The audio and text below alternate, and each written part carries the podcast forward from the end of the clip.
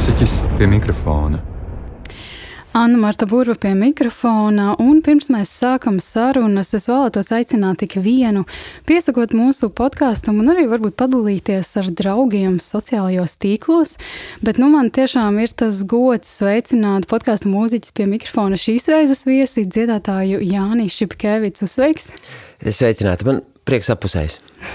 Jāni, ja tev būtu garīgā veselība jāsalīdzina ar kaut kādu simbolu vai metaforu, kas tā būtu un kāpēc? Pirmais, kas man ienāca prātā, ir maize. Un es nezinu, kāpēc, bet es tagad sāku domāt, um, nu, varbūt attiecības ar mūsu garīgo pasauli un garīgo veselību ir, ir kā tāda maize, ko mēs paši, paši cepam, paši ēdam. Un, eh, un tas ir ļoti saistīts dien dienā ar katru sīkumu, ko mēs darām, ar katru domu, ko mēs izdomājam, vai noliekam malā, vai paliekam kaut kur apakšā.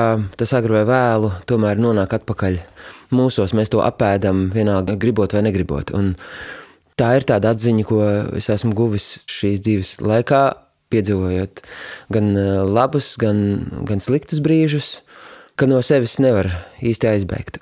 Bet uh, arī domājot īstenībā, ko tu minēji par tiem labajiem un sliktajiem brīžiem, tādi tomēr abi divi ir vajadzīgi, vai ne? No tiem mēs arī visvairāk mācāmies.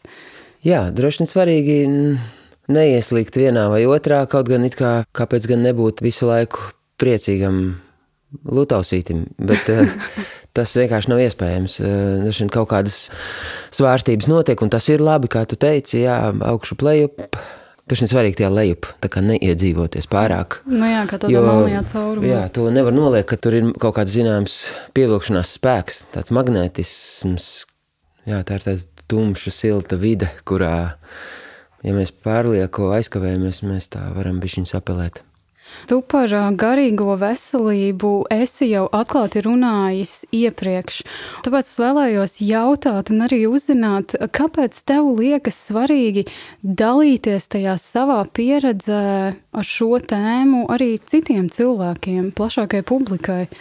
Es nekad neesmu pats rāvies to izstāstīt. Es dažkārt, kad man kāds pajautā, es to varu atklāt, kā man iet no savas perspektīvas. Es varu teikt, ka šķiet arī tas ir mazliet tā trausli un bīstami kaut kā definēt tās lietas un pastāstīt, kā ir, kas darbojas un kas nestrādā un nākt klajā ar kaut kādām formulām, par kurām pat ja es pats kaut ko esmu par sevi sapratis, es bieži vien attopos, ka pēc gada es jau domāju savādāk un es varu vienīgi, visu, ko es varu tagad darīt, ir stāstīt, ko es šodien domāju un, un kā man šodien klājas un varbūt atminēties kaut kādus laikus, kad es esmu kaut ko piedzīvojis vai sapratis, bet arī tās vairs ir tikai atmiņas. Es nezinu, cik tas ir objektīvi.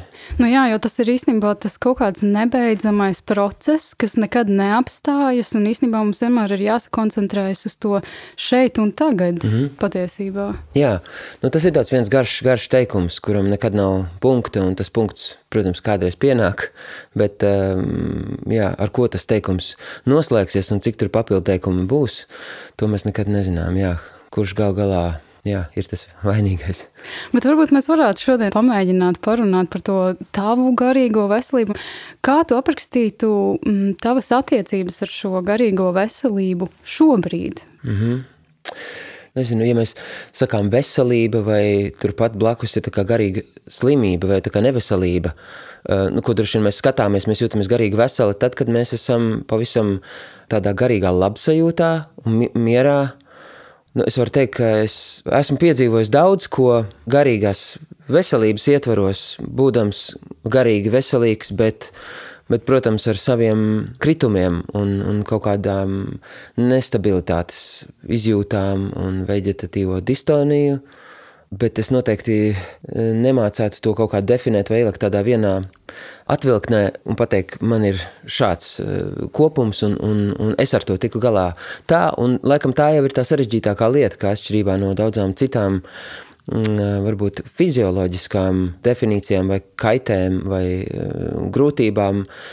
Tas viss savāc no tiem maziem, maziem smilšu graudiņiem, un beigās tad ir jautājums, vai tas viss saveļas tādā lielā bīstamā bumbā, kura kļūst uh, jau ārkārtīgi ievainot spējīga pašu un citus, vai vispār pat nogalināt spējīga. Un, un, jā, es esmu pateicīgs, ka allaž, kad es kaut kur esmu ieslīdis, vai esmu sadrūmis, vai sagumis, vai iestidzis, es tomēr pats savs, vairāk vai mazāk saviem spēkiem esmu varējis arī izķeproties laukā, vai palīdzējis arī terapija un sarunas ar viņu dažiem tuviem draugiem, kuros vienkārši strāvo tāds miers, kas man bieži vien ir nepieciešams. Jo, jā, nu, tā mana lielākā ķibele vai tas izaicinājums ir atrast līdzsvaru.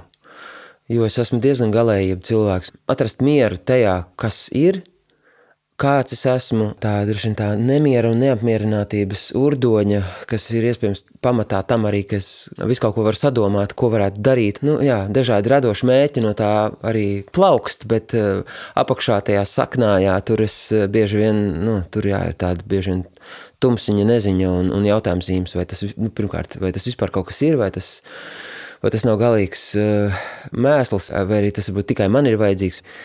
Nu jā, kas visam tam ir pamatā. Mm -hmm. Vai tu teiktu, ka šīs kaut kādas galējības izpausmes varētu būt saistītas ar kaut kādu jūtīgumu, kas varbūt tiešām arī bieži vien māksliniekiem, mūzikā, vizuālajā mākslā, rakstniecībā tiešām ir raksturīga, ka mēs to pasauli brīžiem tveram asākās krāsās, asākās skaņās? Nu, tas droši vien ir tas pirmais, kas ienāk prātā, bet arī salīdzināt ir tik ļoti grūti, jo man ir tikai mana pieredze, manas acis un iekšas manas. Un es tikai varu dažkārt tā no malas skatīties, ka izskatās, ka cilvēkam vienkārši nekad nav grūti, vai viņam vispār tādas problēmas neeksistē kā man, bet es saprotu, ka viņam ir pilnīgi citas problēmas, ar kurām viņš cīnās. Teiksim, tiešām ļoti absolūti racionāls un pragmatisks cilvēks, Un tāpēc es arī cenšos būt ar tādiem cilvēkiem bieži vien kopā. Es noteikti varu teikt, ka mani pat vairāk, vai katrā ziņā nemazāk interesē cilvēki, kas dara pilnīgi um, pretējas lietas tam, ar ko es esmu nodarbināts. Un, un es vienkārši mīlu būt to cilvēku klātbūtnē, kas vienkārši var darbināties, knibināties, labot kaut ko, remontēt un kaut ko tiešām darboties ar tādām absolūti praktiskām lietām un domāt, kas ir efektīvāks, eh, nezinu, no siltuma apgādes eh, viedokļa vai, vai, kā, vai kā tur tas mašīnas motors strādā. Un, un tas man kaut kā ļoti līdzsvaro, tas tā kā piesaista zemē, un tas neļauj aizpeldēt kaut kādā tādā abstrakcijā, kurā tu pat aizmirsti vispār, nu, kāpēc tu vispār to visu dari. Un tieši to mājīgumu sajūtu es cenšos dabūt tajā, ka jā, es cenšos saimniekot arī savās mājās, domāt tiešām absolūti racionāls lietas, tur tīrīt zāles, pļāvēju, gultņu, eļļot kaut kādas lietas, vai zāģēt, skaldīt malku un skatīties, lai tur pagalīts viss ir vienā rindā un, un lai smuka vējojās šķūnītī un, nu, risināt tādas it kā nebūtiskas lietas, bet kaut kā viņas ir tik ļoti svarīgas, ka tev ir rīktīgi, rīktīgi slikti. Vienalga, kad mēs esam vienkārši apslimuši un guļam gultā, vienkārši tā tēja un tā maizīte, vienkārši sirmaizīte un tēja, tas vienkārši ir, tas ir kaut kā daudz jēgpilnāk par visu, kas um, skan jebkurā koncertzālē vai rādio vai kā smaržo smalkas smaržas vai restorāns, šampanietis un, nezinu, Vāgners un, un viss pārējais kļūst pilnīgi sīks un, un nesvarīgs.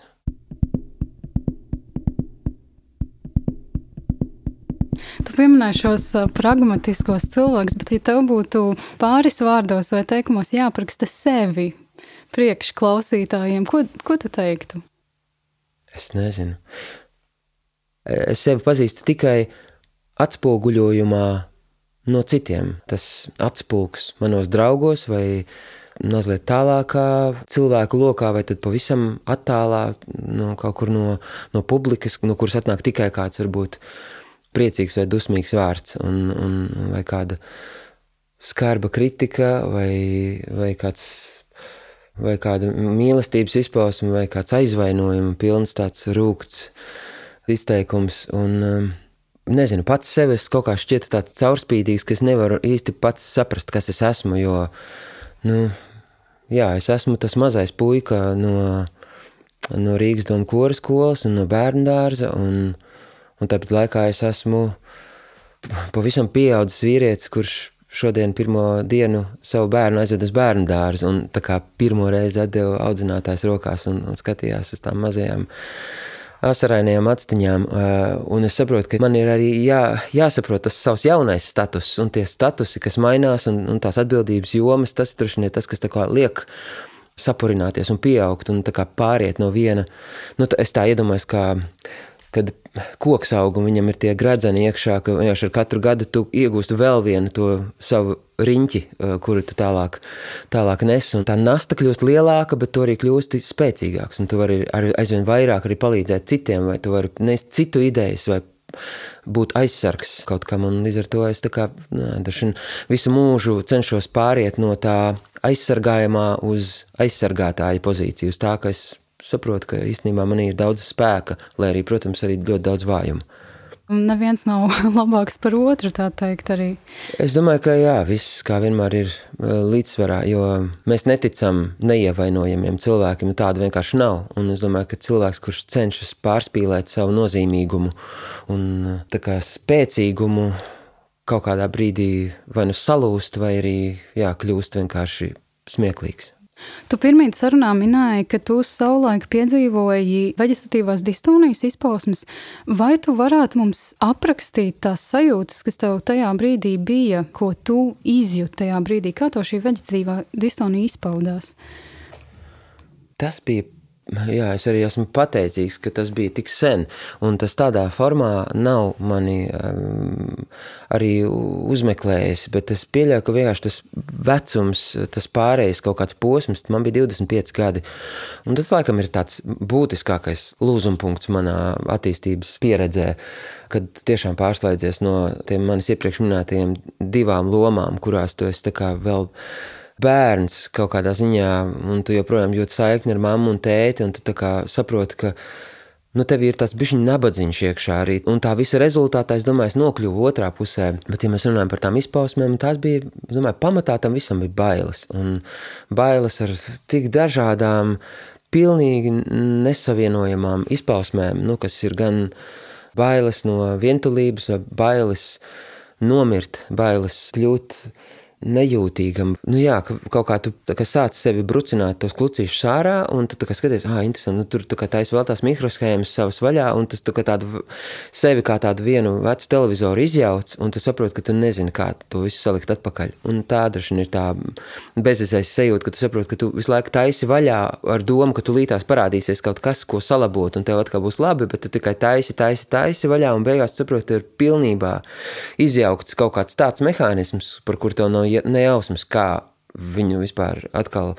Tur nav tāds undo moments, iespējams. Un tā kā tu saproti, vai nu, nu, vai nu tiešām tu mirsti, vai arī tu ej uz priekšu. Un skaidrs, ka lielākoties mēs tomēr esam pietiekami spēcīgi, lai vienkārši nu, saprastu, ka tev nav iespējas. Vienkārši vai nu, vai nu tu ies uz priekšu, vai arī pasauli ies uz priekšu. Tajos 25 gados tev tas bija saistīts tikai ar tām domām, ko tu jau tikko minēji, vai arī tev kaut kādā veidā šīs domas arī ļoti ietekmēja tavu fizisko stāvokli, vispār kā tu jūties? Es jutos ļoti vārgs un tāds nestabils, un bija tā sajūta, jā, ka viss, ka ķermenis un tu pats ir pilnīgi divas atdalītas vienības, ka tu tā kā vēro to ķermeni kā tādu viesnīcu. Es nezinu, vai tā kā tu esi kā ciemiņš tajā ķermenī, un es to nekad negribētu vēlreiz piedzīvot, jo nu, no vienas puses, kā es teicu, tas ir tā tā mazliet arī interesanti un tā urdoši, bet tas ir pilnīgi de, tas destruktīvs eh, process, kurā, nu, ja tu neesi pārliecināts, ka tu uh, zini, ko tu ar to darīsi, tūlīt, kad tu izjauksi, tad es uh, nekad negribētu tur vairs atgriezties un ne, neieteiktu. Jā, bet nu, tā sajūta, ka tev ir tāds vājums un tirpšana, un, un viss ir tāds. Um, Svešāds. Es sēžu mašīnā, un es domāju, ja es, piemēram, spiedīšu radio pārslēgšanas to podziņu uz citu staciju, vai es trāpīšu pa to podziņu vai nē, es nesaprotu, vai, vai man klausīs manas vispār mehānismus, kuru es esmu ieradzis vadīt. Nu, tas ir tā pavisam konkrēti, ja mēs runājam. Bet jā, nu, tas viss bija baiļu līmenī. Nu, paldies Dievam, ar mani nekas slikts neatgadījās. Es vienkārši piedzīvoju tādu inicijējošu pieredzi. Kas tev palīdzēja līdz ar šo pieredzi meklēt palīdzību un saprast, kas strādā priekš tevis, lai tu no visām šīm sajūtām, no visām tām domām tiktu ārā? Es vienā brīdī sapratu, ka es neko nevaru izdarīt ar to, ka es esmu vienkārši centies tā, es esmu šitā, es esmu gājis pie tādiem doktoriem, pie šādiem doktoriem. Es esmu nu, vienkārši tiešām domājis līdz pēdējai, vienkārši līdz tik smieklīgai detaļai, ko es esmu mainījis, kāpēc man palika tik slikti. Tā kā es sāku visas lietas tā tīt atpakaļ kaut kā atsaukt visu, ko es esmu darījis pēdējā laikā, lai saprastu, kur ir tā kļūda. Nu, es eh, tiku līdz tam, ka es izņēmu, eh, es biju iešāvis ausī auskariņu, tā kā piercingu, un es sapratu, domāju, varbūt es esmu trāpījis kaut kādā nervu punktā, kurš to visu ir izraisījis. Es izņēmu to, un es domāju, varbūt es esmu, es beidzu ēst gaļu. Man vajadzētu atkal atsākt ēst gaļu, varbūt tas ir vienkārši no tās gaļas nēšanas, vai, nu jā, un tas eh, kaut kā varbūt Nezinu, un tas varbūt arī man tas vecums bija tāds, kurā es mēģināju visādus rekordus uzstādīt. Un tiešām varbūt arī sākt sev darīt pāri ar domu, ka es ļoti vēlos kaut ko sasniegt savā dzīvē, iet uz tādiem rekordiem, un tā kā pārvarēšanu, vēl tur negulēt un nēst eh, to un šito, un tā kā super daudz sportot un kaut kā nu, stādīt kaut kādus rekordus. Un, un tad vienkārši atraujies.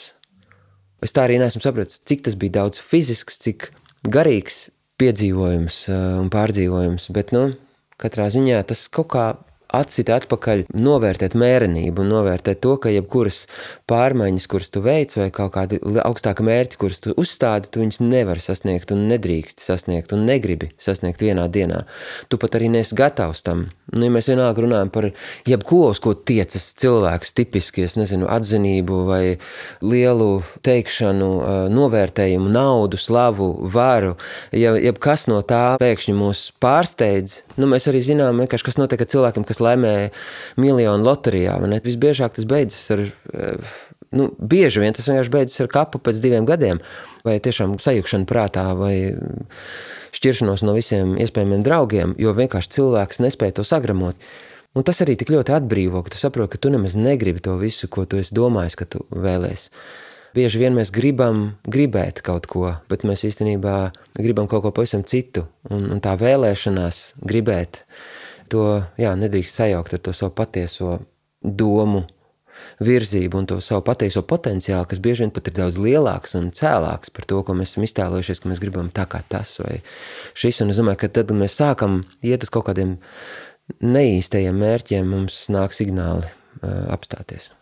Bieži vien es arī esmu dzirdējis no vairākiem mūziķiem par to, ka tiešām šajos nu, 20 gados sākas šī nenormālā vēlme pēc visiem šiem panākumiem, un mēs sākam nenormāli daudz darboties un, un, un neapstājamies. Bet, bet kā, kāpēc? kāpēc mēs tā darām? Piemēram, no savas pieredzes, vai tu varētu parunāt par to, kas ir tas, kas liek tiešām rauties līdz pēdējiem? Man tiešām tas ļoti saistās ar 20 gadnieku posmu, un tas ir tas, ka tu esi ticis nosacīti jau tādā brīvībā un arī varēšanā kaut ko jau pats paveikt, bet tev nav vēl saprašana īsti, ko tu īsti gribi darīt. Līdz ar to, protams, tu esi vairāk piesaisties kaut kādiem gataviem mērķiem, ko tu novēro ko cilvēki dara šobrīd, tavi elki. Un tu domā, kā viņi to ir dabūjuši gatavu, un tad tu sāc nu, sāc tiekties uz to un uh, ignorē to, ka ir pilnīgi cits laiks, cita vieta un cits tu.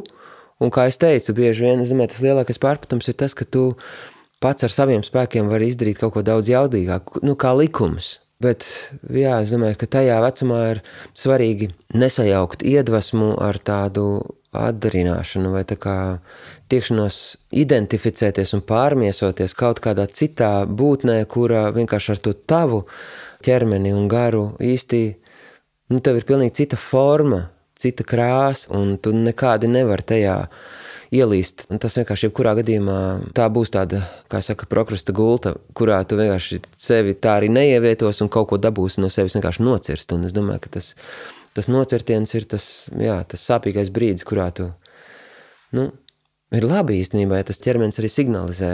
Tas nav viegli, bet nu, jā, tas ir tas veids, kā atkļūt pie sevis atpakaļ. Iespējams. Nu, protams, ar tādu uzšāvienu pa pakaus vai pa pakaļ. Nu, tas vienkārši ir sāpīgi, bet tas ir vērtīgi. Īstenībā arī ne par velti teiciens veselā miesā, vesels gars, un patiesībā jau arī veselā garā vesela miesa. Jā. Bet uh, tu minēji arī LSMLV intervijā, ka esi gājis um, terapijā. Vai tu varētu varbūt dalīties ar um, kaut kādām galvenajām atslēgām, ko tu no terapijas esi paņēmis, kas tev tad arī šobrīd ļauj vērt visas tās dažādās daudzās durvis uz dzīvi, lai to pilnvērtīgi dzīvotu?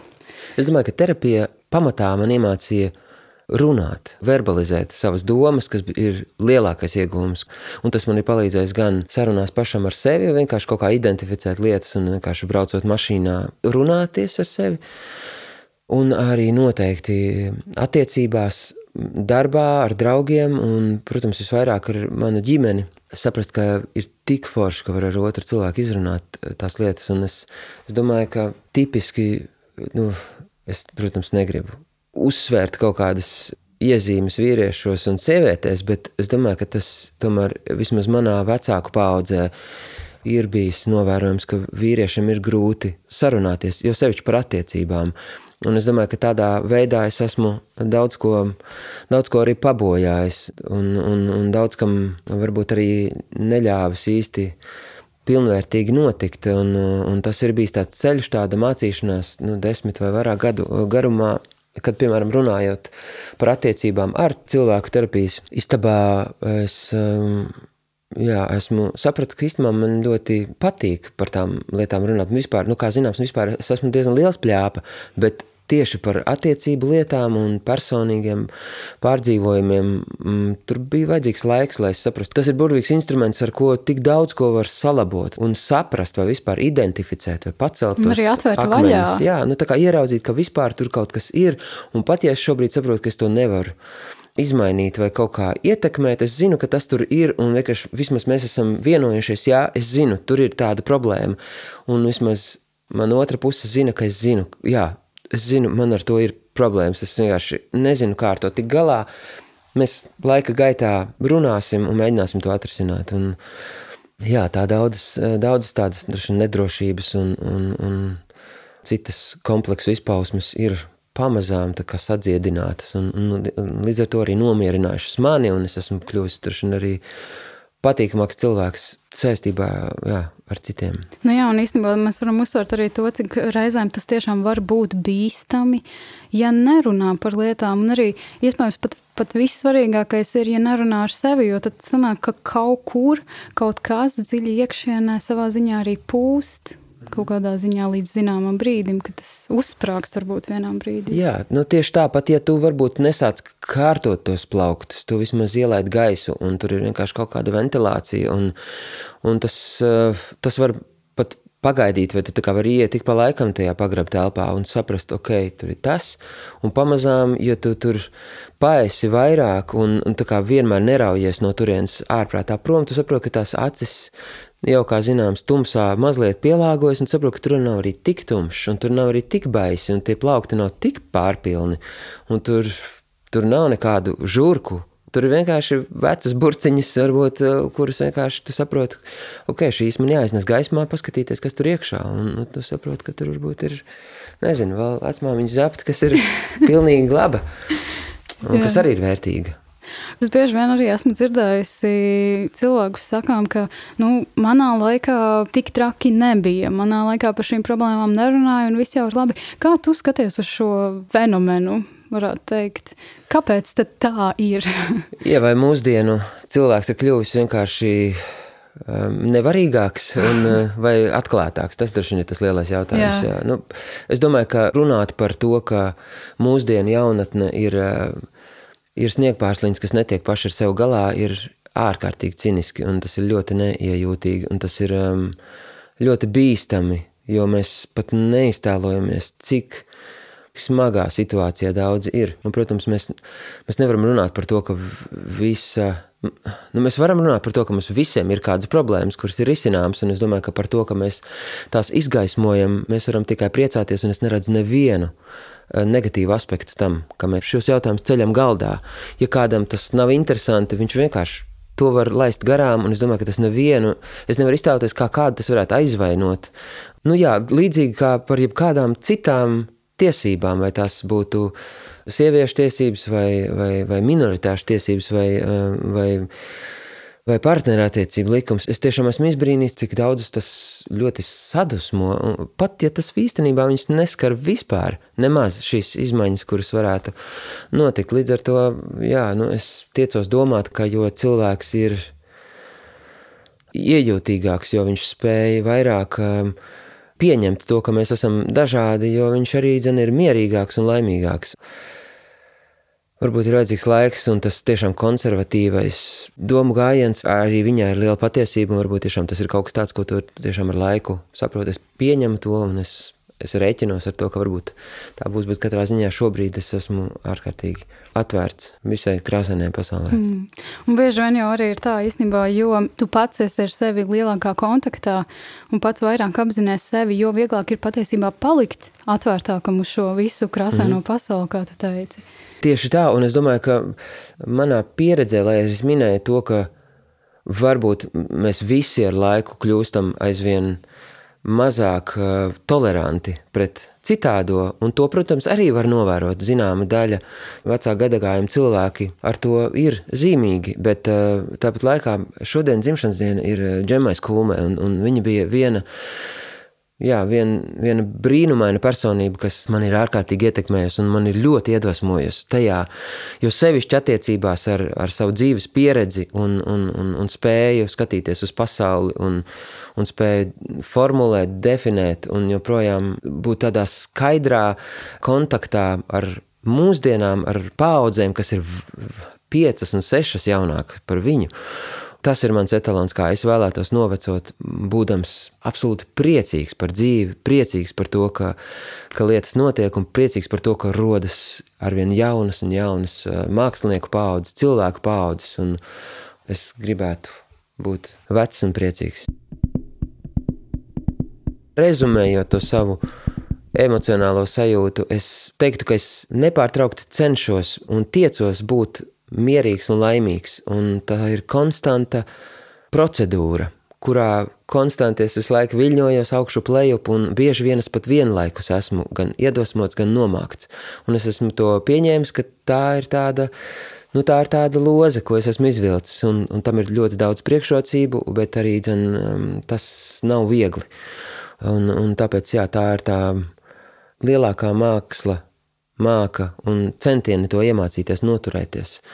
Eh, noturēties tādā labā viducī, nepārpriecāties, lai pēc tam arī tev nav riktīgs kritums, eh, bet ļauties priekam, ja tas ir vienkārši superīgs brīdis, un, un novērtēt, eh, jā, tiešām novērtēt to visu labo, kas ir apkārt, un, un tā ir milzīgi daudz arī vienkārši iespēja šeit sēdēt, runāt ar tevi brīvā valstī apmainīties domām, vispār runāt par šīm lietām. Tā ir jā, liela privilēģija. Tas ir arī pirmais solis brīdī, kad tu vēlies tiešām būt vecs un priecīgs. Tas ir arī tā pati vēlme pati par sevi ir pirmais solis tiešām uz šo atvērtību, uz šo mieru. Tas ir pats galvenais. Jā, un, bū, un šajā definīcijā es vēlos būt vecs un priecīgs. Ir tik daudz ietverts īstenībā. Es tur ir tik daudz mērķu, kurus es vēlos piepildīt. Nu, viens no tiem kaut vai es, es vēlos nodzīvot ražīgu mūžu, es gribu piedzīvot savus mazbērnus, es gribu uh, dzīvot gan vertikālā, gan horizontālā, gan es vēlos to laika dimensiju piedzīvot visā pilnībā. Es negribu dzīvot ātri, es gribu dzīvot tā pakāpeniski. Tas ir arī dzen, tas, kas bieži vien atbrīvo no, no tās spriedzes, ka tev nav jāpaspēj viss un tev nav jāpaspēj viss tūdaļ, jo sasniegt arī mērķus pārāk ātri ir ļoti bīstami. Līdzīgi kā ar to vinēšanu loterijā, tas ir milzīgs sloks. Tāpēc es domāju, ka viss notiek savu gaitu. Mūziķis pie mikrofona atpūšas. Kas Jānim Šepkevicam ir tas, ko ļoti patīk darīt, varbūt brīvajā laikā, tiešām attējot no visām šīm ikdienas satraukuma pilnajām reizēm vai ļoti lielajai darba slodzei un tam līdzīgi? Ko tev patīk darīt brīvajā laikā? Man ļoti patīk darīt ārkārtīgi praktiskas lietas, un tas ir tik nepieciešami arī, zin, un kad tas nav ilgāku laiku bijis, es jūtu kas īsti nevar nekur paiet tālāk, jeb kādās citās savās darba iecerēs vai radošos mērķos, ka vienkārši es jūtu, man ir, nu, un, piemēram, šis eh, augusts bija vienkārši super piesātināts un ļoti intensīvs, un um, tā bija tāda sajūta, ka tas viss ir nebeidzama tāda viena gara diena, kura nekad nebeidzas, un tev ir pilna mašīna ar visādām notīm, lietām, tērpiem un visādiem attribūtiem. Tev mājās ir viss rakstāmgalds ir nokrauts, un tev ir vienkārši kaut kādas papīra, kafijas krūzes visur, un tā kā veļa netīra, un, ir tā kā, un tas viss ir tā kā pilnībā sāk buksēt jebkādu attīstību, un, un, un es to ļoti izjūtu, ka tagad dažas dienas jau būdams atguvies mazliet, es um, vakardien pļāvu zāli arī ar trimeri, tur, kur vienkārši es ļoti ilgi nebiju gājis tur pļavās un tā kā tādus tālākus nostūrus apčubināju, un, un es jūtu, cik ļoti svarīga man ir tā atkal iepazīšanās ar mājām. Es vienkārši jūtos tiešām attālinājies no, no savas bāzes vietas, un tāda bāzes vieta man ir ārkārtīgi nepieciešama. Es nekad nevarētu gadiem turēt pa viesnīcām vai dzīvot visu laiku tādā sajūtā, ka tu visu laiku esi ciemos. Jā, man patīk atgriezties uz zemes, pie zemes, ar ieštepselēties ar rokām, tiešām īstā zemē izravēt uh, nezāles, vai tagad es biju nepamanījis, ka ir arī izauguši topinambūri, tos es izravēju oh. laukā un, un tādi mazi forši bumbulīši. Uh, un tad mēs uh, tos pagatavojam. Vakar es rīktīgi lielu ugunskura izkurināju, mēs vārījām zupu uz ugunskura un uh, nu, tādas mazas lietas. Un tad es eju vakarā gulēt, jūtu, kā mati man visi joprojām, es jā, šorīt nebiju nemaz dušā, un joprojām tā dūmu smarža matos, un jā, tas ir tik, tik kaut kas tik svarīgs un tik tāds vienkāršs un tik ļoti no bērnības, ka es tās lietas cenšos arī saglabāt. Un, protams, ka es redzu tagad, ka ir mazs maz man puikiņš un meita mājās, es arī kaut kā sāku sasliekt arī tās rozetes kopā, tās paauģu rozetes, ka es saprotu, ka viņi, viņi jau pieslēdzas tam, ko es daru, un viņi vēro un kopē, un līdz ar to es sāku kļūt arī uzmanīgs par to, ko es daru, jo saprotu, ka es esmu viens no viens jau tāds uh, kopapīriņš citiem, citiem pildspālām. tik brīnišķīgi. Nu jā, jo īstenībā, ja tā padomā, tik brīnišķīgi, ka tu saki par to, kā teici, rozetes ielikšanu zemē, jo patiesībā jau mūzika, ar ko tiešām pastiprināt nodarbojas, tas ir kaut kas, kas mums šeit kaut kur virmo, mm -hmm. un ir ļoti, ļoti grūti patiesībā, ja tu to nevari noķert un apskatīt un aptaustīt, ir ļoti grūti tiešām tajā brīdī, kad tu esi tajā mūzikā nostabilizēties tur. Jā, jo mūzika nav viennozīmīgi vērtējama nekad. Nav mūzikas, kas ir viennozīmīgi laba. Un tas ir dažs, tas varbūt viss arī tā nav tāda uh, pavisam viegla atziņa, ar kuru sākt sadzīvot, ka tu nekad nepatiksi visiem, un tas nav iespējams, un tas droši vien arī nav vajadzīgs, bet uh, tā vēlme, mūsu katra cilvēcīga vēlme ir būt labiem, un es tiešām cenšos būt labs pēc visas savas tīrākās sirdsapziņas. Es mēģinu darīt tā, lai visiem ir labi, un es cenšos radīt tā, lai tas būtu labi, un es vienmēr cenšos izdarīt vislabāk, cik vien es varu. Bet, protams, ka savā ceļā es esmu saskāries gan ar, gan ar uh, atzinību, gan ar ļoti skarbu kritiku un ar ļoti spēcīgu aizvainojumu un dusmām un naidu, un tas ir... Um, tas vienkārši ir jāpieņem, ka mēs esam tik dažādi, un mūzika ir tik dažāda, un galu galā kultūra ir tik ļoti interpretējama, un tā ir tik ļoti arī ieliekama un izņemama no konteksta. Un tas viss vienmēr ir tāds gaisā mētājams, un pat pēc visjaudīgākā koncerta un vislielākās tādas radošās veiksmes ir vajadzīgs tik īsts laiks, lai tu aizmirstu to atzinības sajūtu. Un es atceros, tāds man ļoti spēcīgi atmiņā ir gan Tagad mums ar instrumentiem bija meža parkā koncerts, bet arī pirms diviem gadiem bija Dagovas stadionā vislielākais, vērienīgākais koncerts, tas bija tik brīnumains vakars, un viss izdevās superīgi labi. Un tā sajūta, kad tu saproti, tas viss arī, kas bija pirms tam, kaut kādas šaubas, un, un varbūt noliegums, un, un kaut kādas arī ne, nedrošība, un, un, un kaut kādas brūces un rētas. pēc piedzīvotā iepriekš, es saprotu, nē, tomēr viss ir tik labi. Tie bija 17,000 cilvēki, kas vienkārši teica, jā, tas ir notikums, un mēs visi kopā gavilējām. Un tās pirmās dienas tā sajūta vēl ir. Un tad tu saproti, ka paiet nedēļa, varbūt divas, un tas viss tik ļoti ātri izirst, un tev atnāk tā ikdiena.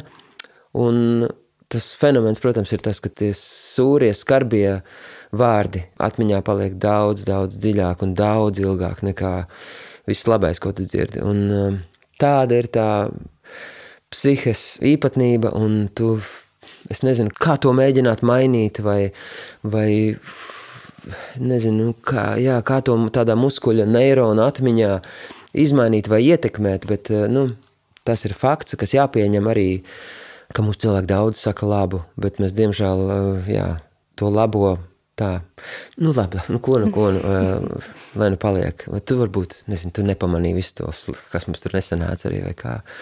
Bet jā, ir tik svarīgi saprast, to lielo dāvanu, ja mēs kādam varam kaut ko labu izdarīt. Tur nav runa tikai par mūziku, par kultūru, par jebko.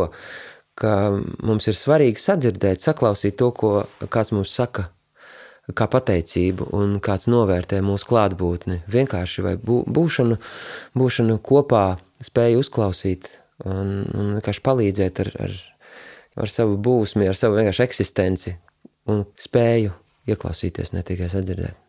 Vai tev šodien ir vieglāk ar tiem kritiskajiem komentāriem sadzīvot vieglāk nekā tas, piemēram, nezinu, bija agrāk, pirms gadiem vairākiem?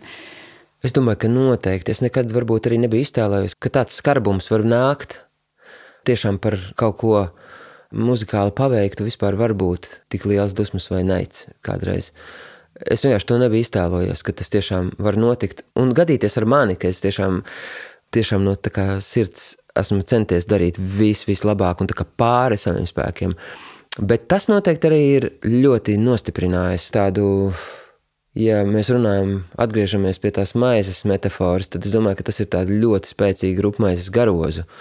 Izaudzējis, apcepinājis no apakšas un izveidojis tādu fundamentu, kur tālāk tu jau tajā klaipiņā iekšā vari dažādas ļoti maigas tekstūras izveidot un zināt, ka ok, tur kaut kas varbūt var vārīties un cepties, un tur var kāds varbūt ar dakšiņu mēģināt arī kaut ko durstīt, bet tu zini, ka tu esi tu, un tev nav jā, jābaidās par to, ka kāds kaut ko komentēs vai kāds kaut ko sliktu pateiks, tu pats zini, kas tu esi, un tu iespējams jau viss sliktāko esi dzirdējis, un tev saprot, ka tev vairs īsti nevar pārsteigt. Un kad tu to garoziņu audzē, jo ilgāk tu dzīvo, jo tu viņu audzē biezāku. Nu, protams, jā, un tā ir, eh, un tā garoziņa vienmēr nāk caur pārdzīvojumiem, vienmēr, protams, caur tādu sūrstošu sajūtu un arī varbūt vilšanos kaut kādā mērā tajā, kā vispār tas var tikt uztverts, ko tu dari. Bet um, nu, tas vēlreiz pierāda to, ka, jā, ka tā pasaule ir interesanta savā dažādībā. Un, tu arī pieņem to ar atvērtu sirdi un prātu, un tu nemēģini apstrīdēt jebkuru viedokli par savu veikumu. Tu saproti, ka tas jau nav, tajā nav arī patiesības, tev arī pašam nav patiesības. Tas skaidrs, ka tas, ko es daru, nav viennozīmīgi labi. Tas ir labākais, ko es varu izdarīt pēc saviem darba, ētikas un, un morālajiem principiem un, un mākslinieciskiem principiem un, un tehniskās varēšanas. Tas ir labākais kopums, ko es varu dot, un, un es vienkārši to daru. Un kamēr es to varēšu, es to darīšu. Jā, nu ko tu varētu novēlēt podkāstu klausītājiem? Es novēlu iedvesmas bagātu rudeni. Jā, šie mēneši ir tādi ļoti krāsu pilni, smaržu pilni. Ir mežs vienkārši dzied caur.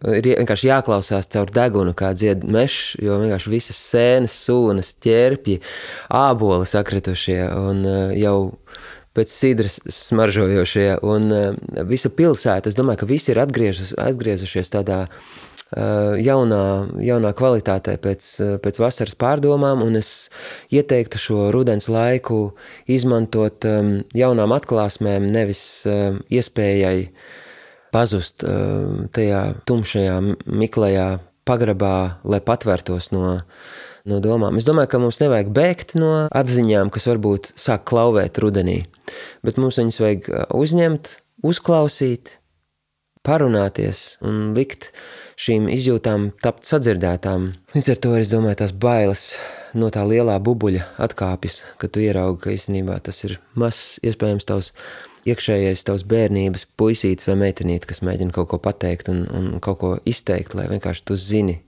ka tur tā uguntiņa ir un ka viņa ļoti vēlas tikt sargāta un lolota. Jā, nu liels paldies par šo sarunu. Paldies. Un ar to arī mēs no jums atvadīsimies. Visu labu un uz drīz sadzirdēšanos. Vislabāko. Mūziķis pie mikrofona.